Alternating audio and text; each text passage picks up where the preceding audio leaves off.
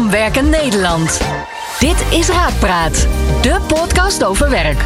Andreas Bouwman van Raakpersoneel stelt een werkexpert rake vragen over solliciteren, salaris, carrière, promotie, collega's, werkplezier en andere werkgerelateerde zaken. Moet je per se diploma's hebben voor een succesvolle loopbaan? Hoe voorkom je een burn-out? Is inclusiviteit een hype? Leg je werk even neer. Het is tijd voor Raakpraat. Hallo, vandaag hebben we te gast Farida Heesen. Zij is geboren in Suriname. En het onderwerp van vandaag is hoe vind je je droombaan? Farida, van harte welkom. Dankjewel. Hey, jij vertelde in het voorgesprek tegen mij dat je in Suriname bent geboren. En ik vroeg me af, hoe is het om daar naar school te gaan, om daar op te groeien? Het is heel bijzonder om daar naar school te gaan en daar op te groeien. Ik heb daar gewoond tot mijn vierde. En vanaf mijn vierde tot mijn zevende in Brussel. Uitstapje gemaakt met mijn moeder voor haar carrière bij de ambassade in Brussel eh, aan het werk ging. Toen zijn we weer teruggegaan naar Suriname. Dus ik was acht. En daardoor kan ik me ook echt heel goed herinneren. Ook omdat de contrasten in elk land zo groot is, zijn mijn herinneringen van mijn jeugd ook wel, denk groter dan wat andere mensen hebben. En ik weet nog dat ik daar een uniformpje droeg. Dus echt een lichtblauw blouseje en een donkerblauw geruit eh overgooiertje. Het was een katholieke meisjesschool, dus alleen maar meisjes. Ja, dus even voor mijn eh, beeldvorming, want ik probeer het goed te volgen. Van je nulde tot je vierde in Suriname, van je vierde tot je zevende in België. En toen van je ze- eh, zevende tot wanneer in Suriname? Tot acht Oké. in Suriname.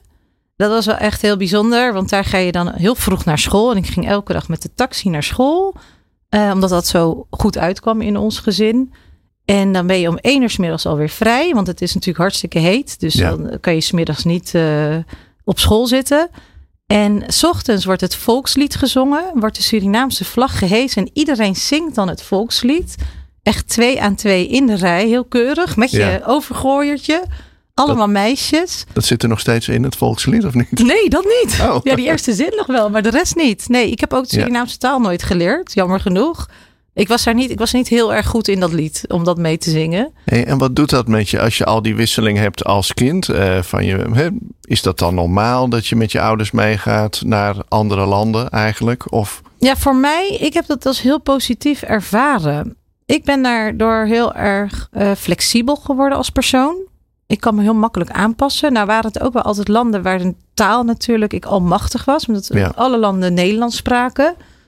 Toen ik op mijn negende in Nederland kwam, was ik ook gelijk het populairste meisje van de klas. Omdat ik zo exotisch was. Ja, Ja. ik was interessant, want ik had een Vlaams accent, dat zat er nog in. En een Surinaams accent, dat is super raar. Rare woorden gebruikte ik. ja, Maar ik legde wel altijd makkelijk contact. Ik denk dat door mijn persoonlijkheid, hoe ik in de kern ben, dat ik makkelijk contact leg met anderen, ja. dat dat mij wel heeft geholpen om dus ook heel makkelijk te kunnen switchen in elk land. En makkelijk weer nieuwe vrienden te maken. En dus voor mij is het echt een verrijking, omdat ik daardoor veel meer bewust ben van ja, de waarden van een niet-westers land. En De waar- daar de, ja. de voordelen die, je daar, die ik daar heb gezien. Zoals meer leven met de dag, genieten in het moment en meer vieren van het leven. Mhm. Dat is heel belangrijk in de Surinaamse cultuur, maar ook in heel veel andere niet-westerse culturen. ja.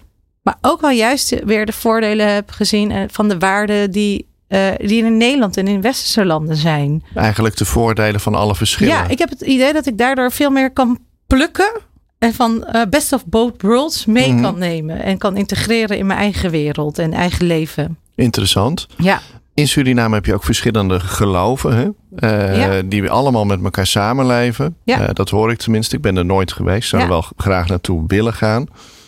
Is dat ook iets wat je hebt meegenomen nu in je volwassen leven? Die melting pot? Dat je denkt van ja, in iedere zienswijze heeft zijn eigen waarde. ik ben eigenlijk altijd al wel bezig geweest met wat is er meer tussen hemel en aarde. Hoewel ik katholiek ben opgevoed, zijn we daar niet heel strikt in vanuit huis. Dus eh, zijn mijn ouders daar heel vrij in om te geloven wat ik uiteindelijk wil geloven. Ik heb wel gezien dat in Suriname de verschillende geloven gewoon met elkaar omgaan. En dat we daar niet te veel discussie over hebben in wat waar is en wat niet waar is. Ook Dus- niet te zwaar maken misschien. Nee, niet te zwaar maken. En uit, ik geloof zelf heel erg dat eigenlijk elke religie, daar zit een bepaalde overlap in. En die overlap, dat is voor mij de kern van de waarde waar ik naar probeer te leven. Ja. Dus goed doen voor anderen. eh, anderen helpen wanneer hij het nodig heeft. Klaarstaan voor elkaar. Nou ja, noem maar op wat je daaruit kan halen. Ja, dat vind ik wel mooi dat je dat zegt. En zou je dat eigenlijk, ja, het is wel meteen een beetje een diepe vraag in het begin van het gesprek, maar ik stel hem toch ook in je werk daarnaar op zoek moeten zijn. Van niet alleen van hé, hey, wat vind ik leuk, maar ja, wat is, wat verbindt ons allemaal? Hoe kan ik bijdragen aan maatschappelijk nut? Of wat vind ik nou echt belangrijk? Nou, het zijn niet moeten, maar wat ik zelf zie is. eh, ik zie dat er een trend gaande is, wat al jaren gaande is, maar het wordt steeds meer. Dat mensen ehm, steeds meer op zoek zijn naar ontplooiing, zelfontplooiing, bezieling, voldoening. Ja, want zelfontplooiing is volgens mij een stapje eerder nog dan die verbondenheid met het grotere geheel. Ja, exact. Maar het is wel de weg daar naartoe. Dus het is eh, allemaal een pad wat daartoe leidt. Dus eerst wil je meer van jezelf eruit gaan halen. Ja, En dan ga je eigenlijk op zoek naar: oké, wie ben ik? Wat wil ik? Wat kan ik? En dan ga je wat meer naar binnen keren. Om dus meer in verbinding te komen ook met jezelf. En dan kom je erachter dat er meer is dan alleen jezelf. En uiteindelijk, ik geloof erin dat als je iets kan vinden wat past bij jouw talenten en jouw drijfveren. En daar dat tot expressie kan brengen. En ondertussen of tegelijk Mhm. andere mensen daar ook mee kan helpen. En daar ook geld mee kan verdienen. Dat Ja. is natuurlijk wel handig. dan heb je hem Dan mee. heb je die Ja. sweet spot. En dan kom je in die flow van. eh, Mooi, ja. ja. in die meer bezielende manier van werken. En dat hoeft dus niet altijd. Want dat is ook wel een misverstand over je purpose vinden en bezield werken. Het betekent niet per se dat je iets heel zweverigs of maatschappelijks hoeft te doen. Een kapper is net zo belangrijk als eh, een coach. Ik zeg maar wat. Hè? Dus Zeker, ja, precies. Jij, heb- jij vertelde in het voorgesprek ook van dat angst kan leiden dat je eh, bepaalde overtuigingen hebt die je tegenhouden. En je vertelde ook dat op je negende had je een spreekwoord en die heeft eigenlijk best wel veel gevolgen gehad voor je latere Ja, ja. eh, loopbaan. En ik vond het zo'n interessant voorbeeld. Kun je dat eens schetsen? Wat was er Ja. aan de hand op je negende? Ja, kan ik schetsen. Ik was net in Nederland eh, komen wonen. En ik moest een spreekbeurt geven. Ik had, ik had het ook niet goed voorbereid, heel eerlijk gezegd. Maar eh, ik was gewoon echt heel slecht. Dus ik Ja. stond daar voor de klas. Ik had het over aardappelen nota bene. Nou, een onderwerp dat ik helemaal niet interessant vond. maar ik wist even niet beter. Je weet zeker niet meer hoe je daarop kwam. Want nee, dat weet vind ik wel niet meer. heel raar wist, onderwerp. wist Ja. het niet. Volgens mij kwam ik gewoon een boekje tegen in de biep. En dacht, oké, dit wordt het. Ik moet maar gewoon Het begint kiezen. natuurlijk wel met AA, hè? Ja, Nou, A. precies, ja. En ik weet dat ik voor de klas stond en daar een plaatje liet zien van de aardappeleters. En ik, ik trilde enorm toen ik dat liet zien.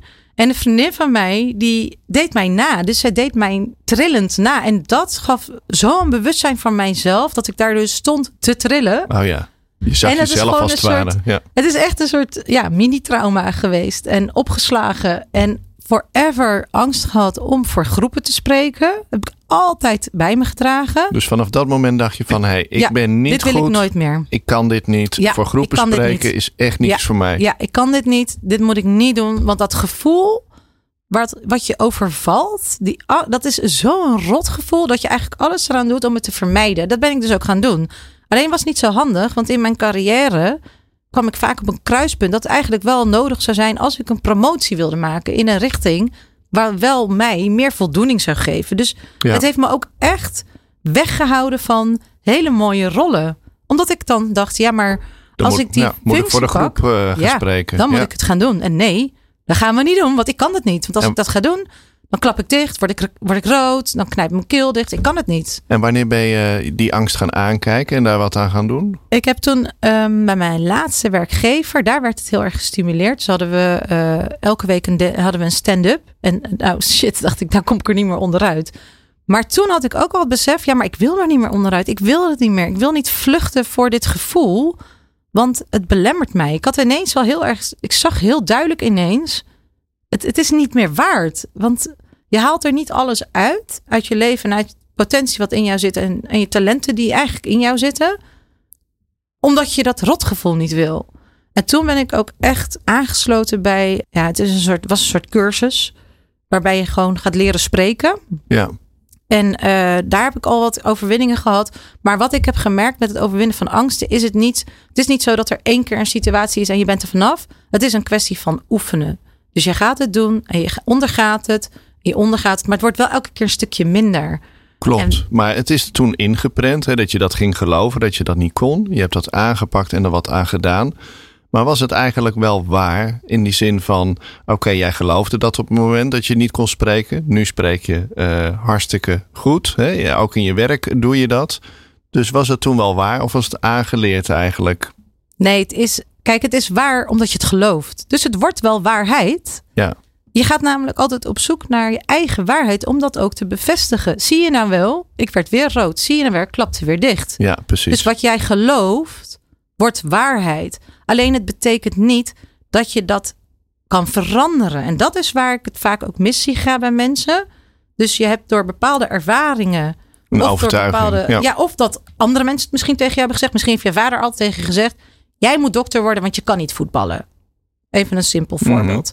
Jij bent dat gaan geloven. Ik kan inderdaad niet voetballen. Ja, zie ik schop hem altijd mis. Nee, jij hebt gelijk. Dus je krijgt een bevestiging. Alleen door een aantal ervaringen in mijn leven ben ik erachter gekomen dat je het ook kan veranderen. Dat je ook door iets te gaan proberen en er moeite voor te doen. Want dat is ook waar het. We stoppen er veel te snel mee. Dan ga je het een maandje proberen. Ja, zie je, kan het niet. Ja, maar wacht even. Dus angst probeert je ook iets te vertellen. Ja, het is een richting geven. Het is absoluut een richting geven. Ik ben ervan overtuigd dat als je door die angst heen gaat. Met alle rotgevoelens die daar wel bij horen. Want het klinkt nu makkelijk. Hè? Het is makkelijk om het zo te zeggen. Dus ik ben me er echt van bewust. Wat een overweldigend gevoel het echt met zich meebrengt. Echt uh, die Als je zit te trillen voor een groep, bijvoorbeeld. omdat, dat ja. kloppende, ja, maar ook vaak al van tevoren. Dus je kan soms echt al last hebben, al dagen van tevoren. En dan echt niet meer begrijpen waarom je dit nou echt wilde. Mm Ik denk dat iedereen dat herkent. Ja. ja, en ik denk ook met angst dat het heel belangrijk is om te beseffen dat het echt de bedoeling is van het leven. Dat je er naartoe beweegt. Dat je het er laat zijn. En dat is niks zweverigs aan. Dat is gewoon leren omgaan om met gevoelens die moeilijk zijn. Om die er gewoon te laten zijn.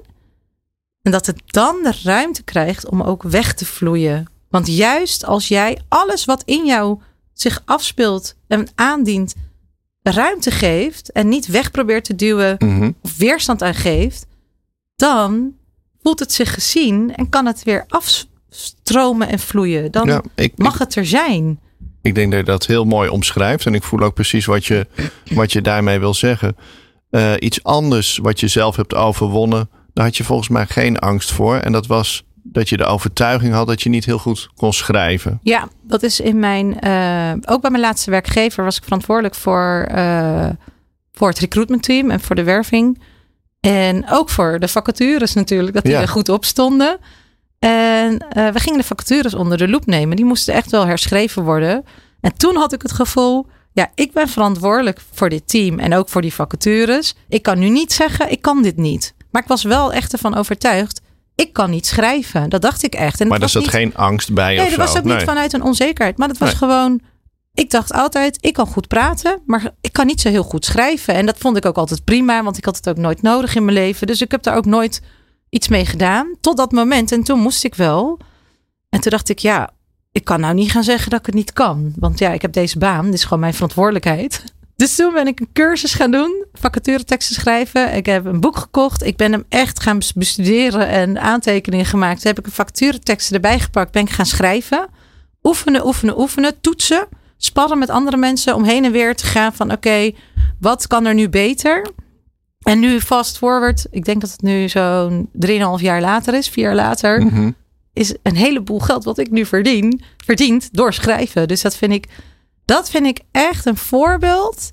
Al mijn klanten komen via LinkedIn door de post die ik schrijf. Ja. Uh, ik herschrijf vacatureteksten, copywriting voor websites, interviews. Dus door die ervaring dat is zo'n eye-opener. Want ik geloofde toen dat ik niet kon schrijven, maar dat is helemaal niet waar. Alleen wat, wat, maakte, wat maakte jou dat je dacht van oké, ik ga dat leren, ik ga die boeken lezen, ik ga oefenen, ik ga feedback vragen. Wat maakte dat je dat ging doen? Ja, een stuk verantwoordelijkheidsgevoel, maar ook wel echt willen leren. Ik denk wel dat dat belangrijk is dat je om inderdaad meer uit je leven te halen, meer uit je carrière. Dat die drive om te willen groeien en leren, dat dat wel een hele belangrijke is. Je had natuurlijk ook al ervaren dat je kon veranderen. Bijvoorbeeld Ja. met dat spreken. Dus je had Exact. ook al dezelfde ervaring Exact. van. Dus Ja. als je dat eenmaal hebt ervaren. Ik ben dus iemand die dus ook echt mijn overtuigingen op een gezonde manier vaak wel betwist. Ja. Dus als ik denk dat ik iets niet kan, ik laat het wel open. Want ik weet dat mijn mind dat gelooft. Maar dat mijn hart soms veel meer weet wat ik wel kan. Ja. Dus dat ik het in mijn mind nog niet kan bedenken, betekent niet dat het waar is. Dus het is, Het is een stemmetje, goed. stemmetje in je hoofd dat het Ja. vertelt. Jij kan dat niet. Ja. En dan ga jij zeggen van, nou, dat zullen we nog even zien. Ja. En wat ook een ding is, is dat heel veel mensen kunnen veel meer dan ze geloven en denken. Dat komt door bepaalde ervaringen, maar het komt ook wel doordat 99% van de mensen ergens diep van binnen denkt dat hij op een bepaald punt tekort schiet. Ik ben niet goed genoeg. Ik ben Ja. niet slim genoeg. Ik ben niet slank genoeg. Ik ben niet mooi genoeg. Ik kan het niet, want een ander is veel beter. Door jezelf constant te vergelijken met anderen. Het gaat automatisch. Het zijn niet alleen hele onzekere mensen die dit hebben.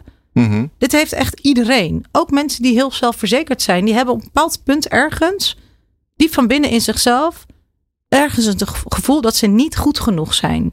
En het is wel Ja. heel interessant om daar altijd ook open naar te kijken bij jezelf. Van waar zitten die overtuigingen nog bij mij? Waarin ik mezelf dus eigenlijk weghoud van een nog een mooier leven. En, En daar zitten eigenlijk twee dingen in. Ten eerste moet je er bewust zijn dat, het een, dat er een stemmetje is. precies. En ten tweede moet je ja, de moed hebben om die overtuigingen eh, te challengen van, hey, klopt het wel? Dus ook ergens wel En de angst aankijken, ook zeg wel jij. ergens ja. een bepaald punt ook gewoon kiezen voor zelfliefde. Weet je, ik ga er gewoon, ook al voel ik hem nog niet helemaal op alle punten, ook al vind ik mezelf misschien inderdaad niet goed genoeg, ja, maar diep van binnen, vanuit mijn hart, weet ik dat dat niet waar is. Want je bent wel goed genoeg. mooi. Wat we nog niet hebben behandeld, maar wat ik toch wel even wil aanstippen, is dat jij heel veel jaren recruiter bent geweest in allerlei verschillende rollen. Recruiter, interim recruiter, recruitment marketeer. Een jaar of eh, vijftien volgens mij, volgens eh, je LinkedIn. Wat heb je daar geleerd? Wat zijn de dingen waar je met plezier op terugkijkt van al die jaren? Het, het is Goeie een vraag. beetje, het is waarschijnlijk heel veel. Dus ja, Klopt, daarom ga ik even, even goed nadenken. ja. Zijn er bijvoorbeeld eh, mensen die je hebt geholpen, die je dan denkt van ja, dat vond ik wel echt altijd heel leuk als ik iemand kwam binnen en hij ging weer weg de deur uit. En dan zag ik van hé, hey, dat heb ik toch Ja, mooi voor eerlijk, elkaar. heel eerlijk gezegd, het allerleukste van, van recruitment, en eigenlijk is het sowieso van het leven hoor, niet alleen maar in mijn recruitment vak, maar in het, in het interactie met andere mensen vind ik het allermooiste als ik iemand kan laten zien waar die toe in staat is. Dus als ik zie dat iemand ergens over droomt, ik kom daarachter in een gesprek, maar zichzelf laat tegenhouden, Ja, om wat voor reden dan ook, dan haal ik er de meeste voldoening uit als ik ze een bepaalde handreiking heb kunnen geven. Waardoor ze toch wel die droom willen gaan najagen. Zo had ik bijvoorbeeld een vriendin die eh, kapster is, werkt in een kapsalon. Mhm. Ze wil al jaren eigenlijk voor zichzelf. Ze is ook echt een hele goede kapper. Ik weet zeker dat ze met gemak, maar echt met gemak, binnen no time ook haar eigen salon vol heeft zitten. Dus weet je, op dat Ja. vlak, want financieel kan soms natuurlijk een drempel zijn, dat mensen denken, ja, maar dus zij was dan- zich bewust wel van die droom. Dat wilde ze gewoon. heel, ja. Ja, Maar ze durfde het niet. Ze bleef maar. En het waren ook echt. eh, het zijn niet altijd angsten, maar het zijn, het zijn vaak ook smoesjes. ja, Met als onderliggende angst natuurlijk wel, maar nog niet zien zelf dat dat eigenlijk voortkomt uit een angst. Dus heel veel smoesjes. Ja, maar het kan niet, want ik heb geen ruimte in mijn huis. je hoofd gaat allemaal redenen bedenken waarom Tuurlijk. het niet kan. Allemaal, allemaal drempels opwerpen van eh, doe Ja. het niet. Ja. Ja. Ja, en uiteindelijk, na een aantal gesprekken, waar ik ook echt tegen haar zei van, ik weet zo, ik weet zeker dat jij dit zo goed zou kunnen. Je bent zo'n goede kapster. Ja. Dat iemand ook daardoor dat dat vuurtje aangaat en dat hij het ook bij zichzelf ziet ineens van je hebt eigenlijk gelijk. ja. En je mag dat ook gewoon van jezelf wel vinden. Ik vind dat we in Nederland best wel vaak wij leren dat we ons niet op die manier mogen uitspreken. Terwijl, waarom zou je niet gewoon eerlijk naar jezelf mogen zijn als je goed bent in iets? Betekent niet dat je jezelf beter vindt dan iemand anders. Denken we te veel in problemen, denk je? Ja, dat ook. Maar ook veel te veel in, ehm, ja, ik moet mezelf maar klein houden. Ja. Om een ander niet een rotgevoel te geven.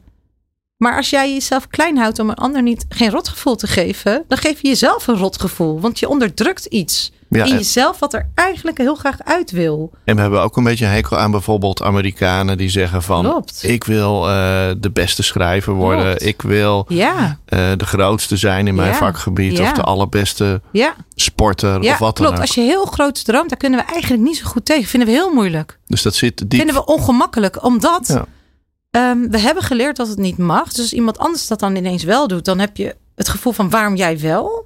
Het triggert zo erg. En het is interessant als je die trigger ervaart bij jezelf, om te durven en daar inderdaad ook de moed te hebben om te kijken, wat is het in mij waarin ik mezelf dan nog tekort doe? Want dat is het signaal wat je eigenlijk dan Ja. moet oppakken. Want dat zijn dus niet, als ik jou goed begrijp, de oppervlakkige verhalen en drempels die je zelf vertelt. Van oké, ik heb geen ruimte om eh, hier te knippen en eh, ik heb geen startkapitaal. Of eh, wat zegt mijn werkgever als ik voor mezelf ga beginnen? Weet ik veel wat. Ja. Dat zijn eigenlijk een soort van smoesjes. Ja, Maar wat moet je dan wel doen? Stel dat we even bij dat voorbeeld van die kapper blijven. ja. Wat is er voor haar voor nodig om dan te zeggen van oké, ik zie in dat het smoesjes zijn of ik voel dat. Wat is het punt van Ja, ik denk dat dat wel echt ook op een bepaald punt is kiezen. Ja. Besluit jij vandaag dat jij jezelf wel de moeite waard vindt? Ook al voel je het niet altijd, hè? Want soms kun je dat rationeel bedenken. Ja. Maar er zijn dagen dat je gewoon denkt, ja, maar het is gewoon niet waar. Ik ben inderdaad niet goed genoeg, ik kan het niet. Maar dat geeft niet.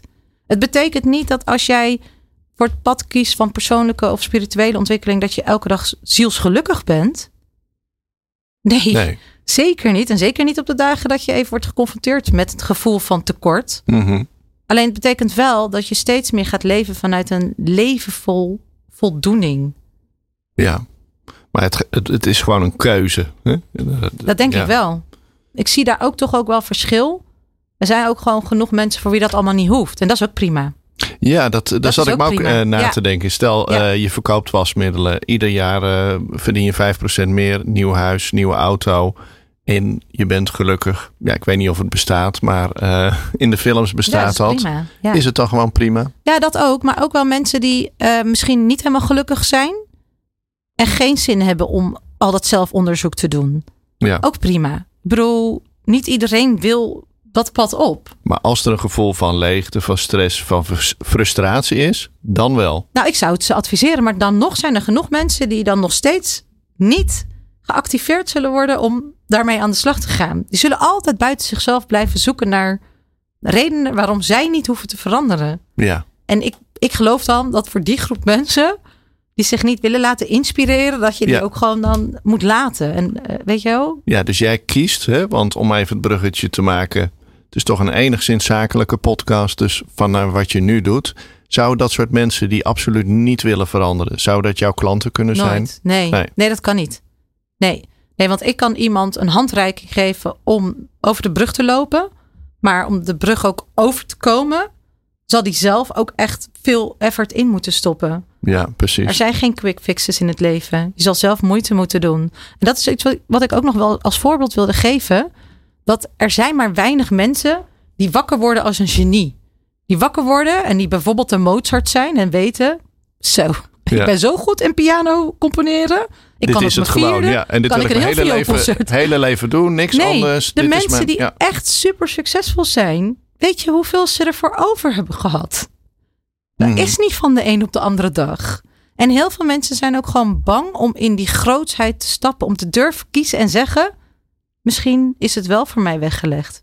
Misschien kan ik het wel. Omdat er ook een stukje angst zit om: Ja, maar wat als ik faal?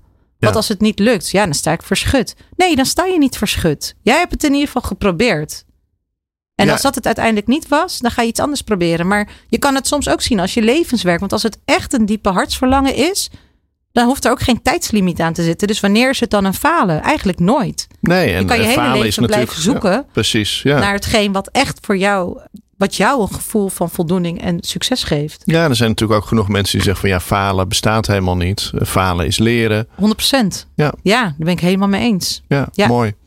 Ehm, het zakelijke bruggetje. Wie help jij nu op dit moment en welk probleem eh, los je op? Nou, ik, op dit moment help ik MKB daar hebben we het nog helemaal niet over gehad, maar even heel kort. Ja, precies. Ehm, MKB-ondernemers met groeipijn. Eh, met het neerzetten van een employer branding eh, fundament. Dus ik help ze met het aantrekken van talent door eh, employer branding en marketing in te zetten. Ja, En ehm, daarnaast ben ik bezig met het oprichten van mijn tweede bedrijf. Dat is Ontdek je missie. En dat is dus over waar we het natuurlijk de hele tijd over hebben gehad. Mensen die vastzitten in werk waar ze niet gelukkig van worden. Omdat ze niet weten welke richting ze op willen. Of ze weten het heel goed, maar ze weten niet welke stappen ze moeten zetten. Of mensen die misschien zelf wel ondernemer willen worden. En daar ook over twijfelen welke richting ze op willen. ja. En de stappen die daarvoor nodig zijn om daar te- eh, aan te kunnen beginnen. Ehm, daar ga ik workshops voor organiseren. En die ga ik helpen om daarin eh, verder te komen. Nou, ik denk dat je daar uitermate goed geschikt voor bent. Want je vertelt er met zoveel liefde, enthousiasme eh, en aanstekelijkheid over. Dat ik eh, absoluut geloof dat jij dat, eh, dat goed kan. Ben wel benieuwd. Ik denk dat heel veel mensen met, met twijfels zitten van... hé, hey, wat wil ik nou? Of ik wil stiekem wat anders. Of ik wil groeien. Waar begin je dan? Als, ze kunnen natuurlijk contact met jou opnemen. Ja, Maar niet, hè, niet eh, heel Nederland kan jouw klant worden. nee. Stel, eh, er zit een luisteraar en je raakt bij hen een snaar van ja, eh, wat Farida nou zegt, dat, ja, dat, dat voel ik ook. Daar Ja. wil ik iets mee. Ja, Waar denk- begin je dan? Ik denk dat het eh, heel waardevol is om, en ik denk dat dat voor iedereen geldt, niet alleen maar pas wanneer je vastloopt, maar eigenlijk altijd, om bij jezelf ook te raden te gaan. Wie ben ik? Wat wil ik? Wat kan ik? En daarin, eh, dat kan je vanuit heel rationeel doen. Hè? Je kan een vragenlijst Moet je dat invullen, opschrijven? Ja. Tools, dat zou kunnen. Mhm. Maar ik, ik ben echt een groot voorstander om hoofd en hart samen te laten werken daarin. Omdat je hart soms veel meer antwoorden daarin kan geven. Alleen onze mind overschreeuwt dat vaak. Dus die fluistering van je hart, die horen we niet meer. Dat betekent niet dat mind ondergeschikt is en niet belangrijk. Want die, dat is wel degelijk heel handig. Omdat Ja. we dan het plannetje kunnen uitwerken. Maar Hoe maak je die connectie met je hart? ja, mij, bij mij of hoe begint maak het... jij de connectie? Hoe Ja. ik hem zelf maak is dagelijks mediteren. Dat zou ik ook echt aan iedereen aanraden. Om dagelijks eens naar binnen te keren en bij jezelf. En wat brengt dat jou? Als je even het, eh, het, het heel sec bekijkt. Dus even los van eh, dat je daarmee een zielsconnectie maakt. Is het eigenlijk ook gewoon een training van je brein. Dus je traint je brein om niet elke gedachte die jouw eh, brein invliegt. Om daar aandacht aan te besteden. En daardoor krijg je ook veel meer focus. En daardoor kan je ook veel meer kiezen in het dagelijks leven waar je je aandacht naar uit laat gaan. Ja, precies. Dus er ontstaat ruimte. Er staat er ontstaat een verbinding tussen je hart en je hoofd. Om het eh, even in mijn woorden te Ja. zeggen. En daardoor kun je bewuster kiezen voor wat je Ja. eigenlijk wil gaan doen. En daardoor wordt het ook makkelijker om te kiezen, omdat je verbindt met je gevoel en je intuïtie. Omdat je van binnenuit dan leert te voelen: hey, past dit bij mij of niet? Dus op het moment dat je dan iets doet wat echt niet bij jou past, dan herken je dat ook. Want dan krijg je misschien inderdaad een gevoel van leegte. Ja, En dan kan je er ook veel beter een connectie mee maken van, oh, ik ervaar nu leegte. En volgens mij komt dat omdat ik nu bezig ben met deze werkzaamheden, die vind ik niet zo leuk. En andersom waarschijnlijk ook. Als je dus kiest vanuit de intuïtie en het voelt wel goed en je voelt wel dat die energie stromen, dan zal je waarschijnlijk iets doen wat veel meer bij past. Ja, en dan voel je ook echt het vuurtje. En dan voel je dat je ochtends zin hebt om op te staan en wakker te worden. Ja, En dan heb je namelijk een reden. Want dat is natuurlijk waar we het allemaal eigenlijk voor doen. Waarom ga je nou op zoek naar je droombaan? ja, Dat is natuurlijk omdat je uiteindelijk gelukkig wil zijn. En omdat je, en wat betekent dat dan gelukkig zijn? Want dat is natuurlijk ook een heel breed begrip. Mhm. In mijn eh, definitie is dat dat je elke dag opstaat met een gevoel van: ik heb echt zin in deze dag. Ik heb zin om het verschil te maken. Ik heb zin Ja. om mijn talenten tot expressie te brengen en andere mensen daar ook weer mee te helpen. Nou, dat straal je ook helemaal uit, eh Farida. Dus Leuk. dat, eh, bij mij komt de boodschap over. Dus ik denk bij de luisteraar ook. Is er nog iets wat je mist? Dat je zegt van ja, dit is eigenlijk. eh, had ik van tevoren heel erg in mijn hoofd dat ik wilde zeggen. En dat hebben we niet behandeld. Of denk je van het was goed zo? Nou, ik vond het ook een heel mooi gesprek. En ik denk wel dat we veel hebben behandeld wat, wat ook gewoon relevant is. Voor mensen die luisteren, die zelf misschien vastlopen in werk. En ook wat handvatten hebben kunnen geven. Ik denk dat het belangrijkste is om het samen te vatten. Dat je je hoofd en je hart met elkaar gaat samen laten werken. Dus wat wil ik echt verbinden met je intuïtie? Niet alleen maar als je vastloopt, ook als je niet vastloopt. Dus ook als het heel lekker gaat in je leven. Ga mediteren ook. Ja, echt gaan mediteren. Ik doe het nu al 4,5 jaar elke dag en ik ben zielsgelukkig. Dus het is echt niet Ja. alleen maar als je je rot voelt. Mhm. Maar het is eigenlijk, ik zie het als preventie. Ja, ik ben er zelfs van overtuigd. En we weten allemaal dat beweging belangrijk is en dat sporten belangrijk is. Eh, we doen het niet allemaal, maar we weten wel allemaal, hè, we erkennen het als dat dat echt iets is wat je zou moeten doen. En we weten ook allemaal dat één keer naar de sportschool gaan, dat dat geen zin heeft. Want ik heb wel heel vaak mensen gehad die zeiden tegen mij, ja, ik voelde me slecht gisteren en ik ben toen ook maar een keer gaan mediteren, maar het hielp niet. Nee, je gaat ook niet naar de sportschool één keer. Je, hebt je bent niet ineens een Arnold Schwarzenegger. nee, ga eens even in Tibet kijken hoe oefenen. vaak ze dat eh, oefenen, oefenen, Ja. oefenen, Wat denk je? Ja. Dus en ik, ik ben ervan overtuigd, want ik zie het ook om me heen, dat mensen echt dat besef krijgen van, oh ja, mediteren, dat is iets wat mij kan helpen. Er zijn zoveel mensen die rondlopen met gevoelens van angst, met onzekerheden, met stress. En Mhm. mediteren is gewoon iets, ja, ik denk dat het essentieel is. En voor veel meer mensen ook dat gaan inzien en gaan erkennen. Ja, en meditatie is dan ook een mooi en nuttig hulpmiddel om die angst te zien voor wat het is en wat het jou wil vertellen. Ja. Ja. En doordat je daardoor veel meer even vertraagt en naar binnen keert, leren we dat dus ook. Want dat hebben we nooit geleerd. We hebben nooit. Weet Nee. je, alles waar we het nu net over hebben gehad. Het zou toch zo mooi zijn als we dat gewoon als kind al leren. Dus ik leer dat aan mijn kinderen al. Dus we krijgen ook straks een hele andere generatie, omdat we nu veel meer bewustwording eh, hebben en wij dat kunnen doorgeven. Ja, ik merk dat ook aan de jongste jongere generatie. generaties. En Absoluut. je ziet het ja. ook bij die twintigers. Dat, dat zij ook al veel meer bezig zijn met persoonlijke ontwikkeling. Nou, toen ik twintig was, Mhm. nou, was echt geen sprake van. Ik had er totaal, ik, ik bedoel, ik vond het wel interessant, maar ik deed er niks mee. Nee. Dat deed je gewoon niet. Je ging stappen en feesten en de rest, eh, daar dacht je niet over na. En nu zie je dat heel veel twintigers dat wel doen. Dat vind ik wel echt een hele mooie ontwikkeling. Mooi. Oké. Allemaal mediteren. Ja. Hart en hoofd eh, met elkaar in verbinding komen. En als je er niet uitkomt, ga naar de LinkedIn van Farida en eh, vraag om hulp, zou ik Yes. zeggen. Super. Oké. Hey, dankjewel voor dit gesprek. Bedankt voor het luisteren naar Raakpraat. Binnenkort weer een nieuwe aflevering met Andreas Bouwman en een verse werkexpert. Meepraten? Check de show notes en abonneer je op onze podcast.